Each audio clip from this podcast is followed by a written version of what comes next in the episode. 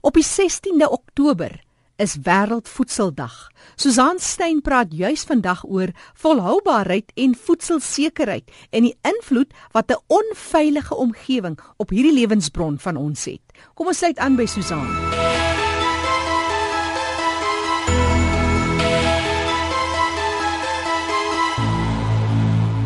Ons het hierdie jaar gehoor van droogte in Noordwes. Daar was 'n noodtoestand afgekondig. Daar's gepraat van boere in die sentrale dele wat tot 50% van hulle mielieoeste verloor het.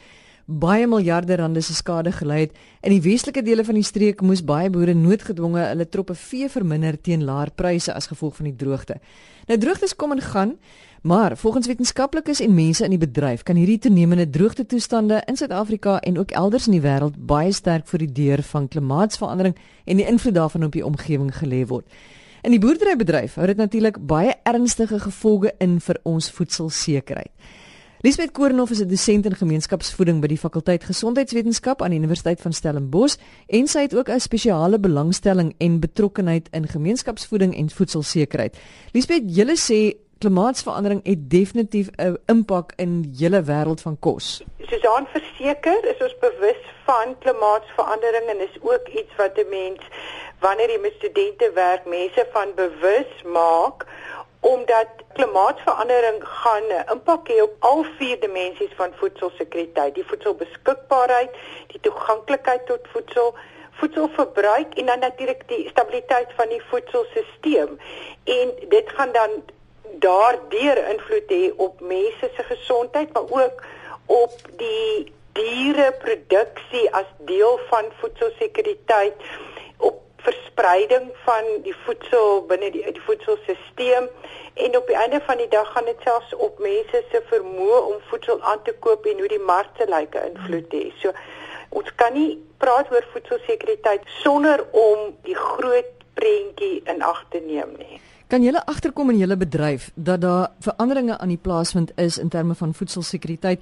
As jy dit nou sien nou maar vergelyk met die tyd voordat ons so bewus was van klimaatsverandering. Die gewone dieetkundige gaan sê sy dra kennis daarvan, maar sy gaan nie sê dit raak haar nie.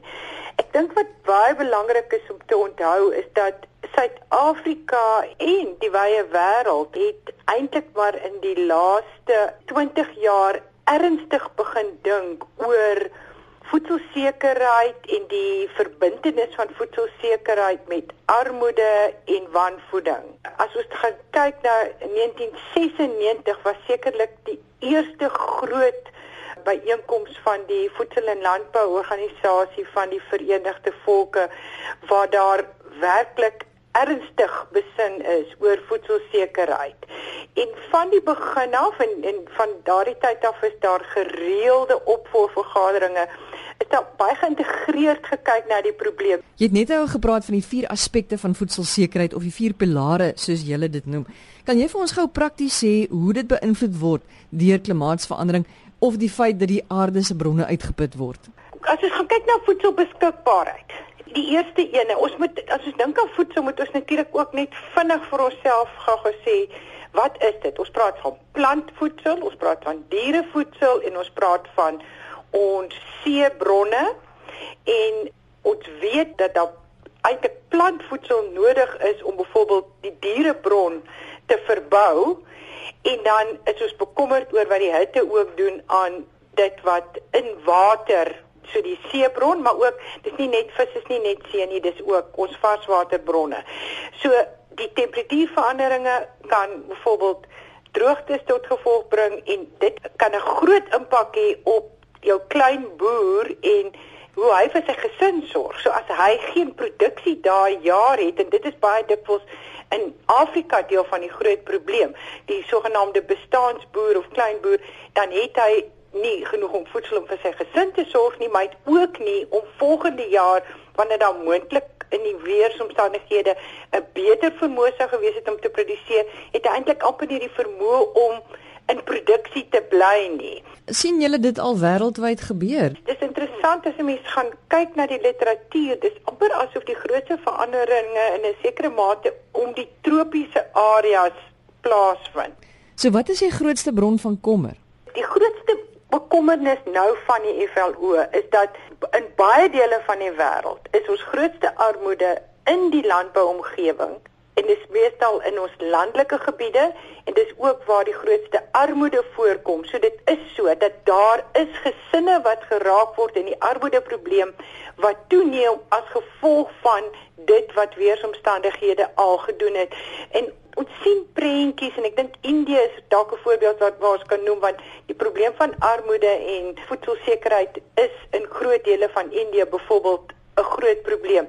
Dit wil sê die diereproduksie neem af en die graanproduksie neem af. Maar dit te doen met armoede of dit te doen met klimaatsverandering? Hulle is in mekaar ingevleg.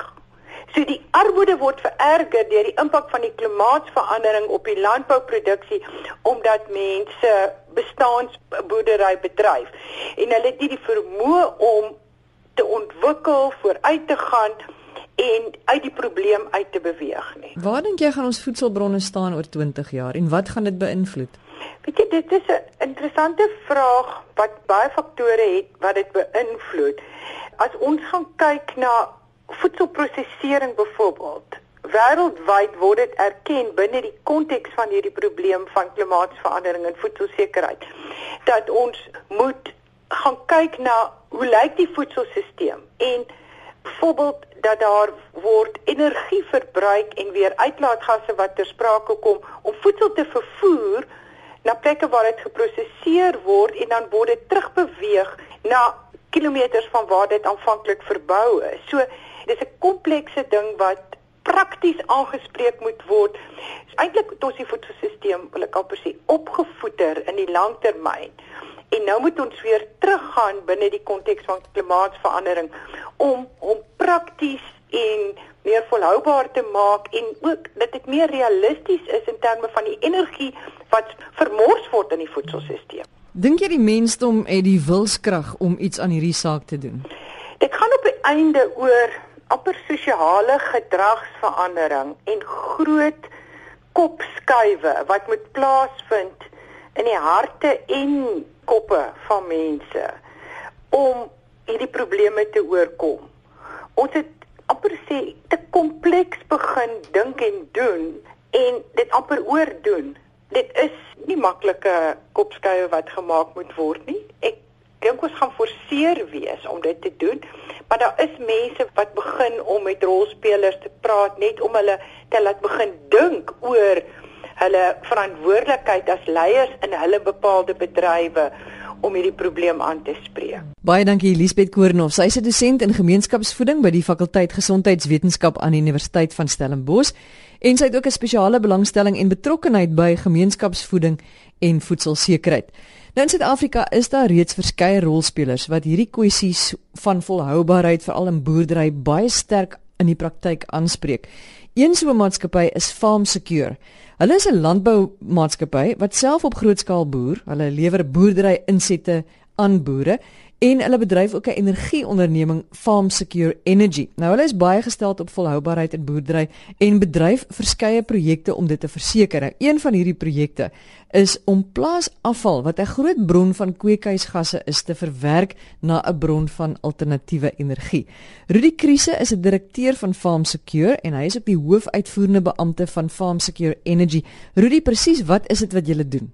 Ons fokus om uh projekte te identifiseer, beide uit 'n volhoubaarheid oogpunt uit, maar ook uit 'n finansiële lewensvatbaarheid oogpunt uit. So ons identifiseer projekte in landbou op ons eie plase, maar ook op plase van kliënte van ons en dit is veral gefokus op lewende hawe wat voerkrale insluit, melkprodusente en dan laastens varkboerderye. Die tipe boerderye het heelwat afval wat gegenereer word En uit die aard van die saak is hierdie afval 'n uh, eh, nie net 'n omgewingsprobleem nie, maar ook 'n fisiese probleem in terme van reuk, higiëne ensovoorts as dit nie reg bestuur word nie. Julle het verskeie van hierdie projekte oral in die land, maar presies hoe werk dit? Dit is groot tankhouers en dit is baie groot. Jy praat hier so van tot 1000 kubieke meter, 3000 kubieke meter afhangende van die grootte van die plaas, maar dit is geseelde tanks en in 'n atmosfeer wat arm is aan suurstof word jou afval omgeskakel. Dis anaerobiese vertering as dit plaasvind onder water.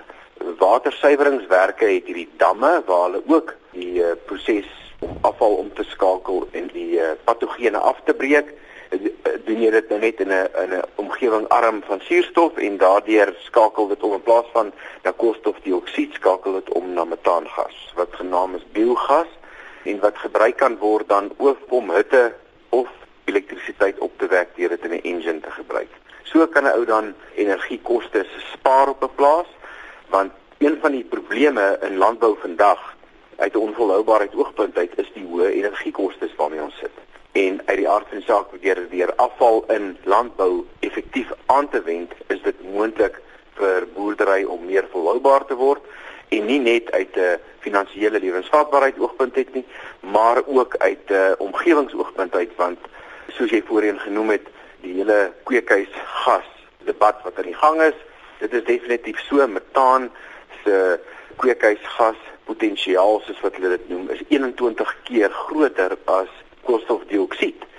En dit is hoekom lewende hawe veral 'n baie groot komponent daarvan is en deur die afval van lewende hawe op te vang verminder jy daardeur dan effektief die kweekhuisgasse. Ek wil net seker maak, hoe word hierdie metaangas dan nou uiteindelik omskep in energie? Ons het vir amper 3 jaar tegnologie sentrum in Pretoria by die Landbou Navorsingsraad bedryf waar ons twee anaerobiese verteerders geloop het en daar's dis net 'n voorbeeld het ons 'n uh, ou Datsun engine, 'n uh, 1800 Datsun engine geloop en 60 kW opgewek waar jy die gas dan gebruik vir beligting, vir verhitting, vir selfs gas uh, yskas en vrieskaste, gasstowe, maar ook natuurlik in die engine wat jy elektrisiteit opwek as jy as jy dit aan 'n aan 'n generator koppel. Maak dit 'n beduidende verskil sien nou maar aan jou kragrekening? Dit kan dit hang af van die omvang van en die grootte van en die die hoeveelheid afval wat beskikbaar is. Hierdie projekte van ons en en weer eens ons fokus is ook uit 'n lewens finansiële lewensvatbaarheid oogpunt uit want die kapitaalkoste om so finansiële lewensvatbare projekte het is aansienlik. Kan uh, wissel enigiets te van 15 miljoen na 30 miljoen rand vir tipiese grootskaalse boerdery in lewende hawe wat voerkrale varkboerdery en so aan insluit. En dan kry jy enigiets tussen sê 200 kW en 500 kW elektrisiteit wat opgewek kan word wat baie meer is as wat die plaas self kan gebruik. Rudy Kriese baie dankie. Hy is die hoofuitvoerende beampte van Farm Secure Energy en ons praat volgende week verder oor volhoubaarheidskwessies. En hierdie bydra van kollega Susan Stein, gemaak gerus 'n draai op die webtuiste www.farmsecure.co.za.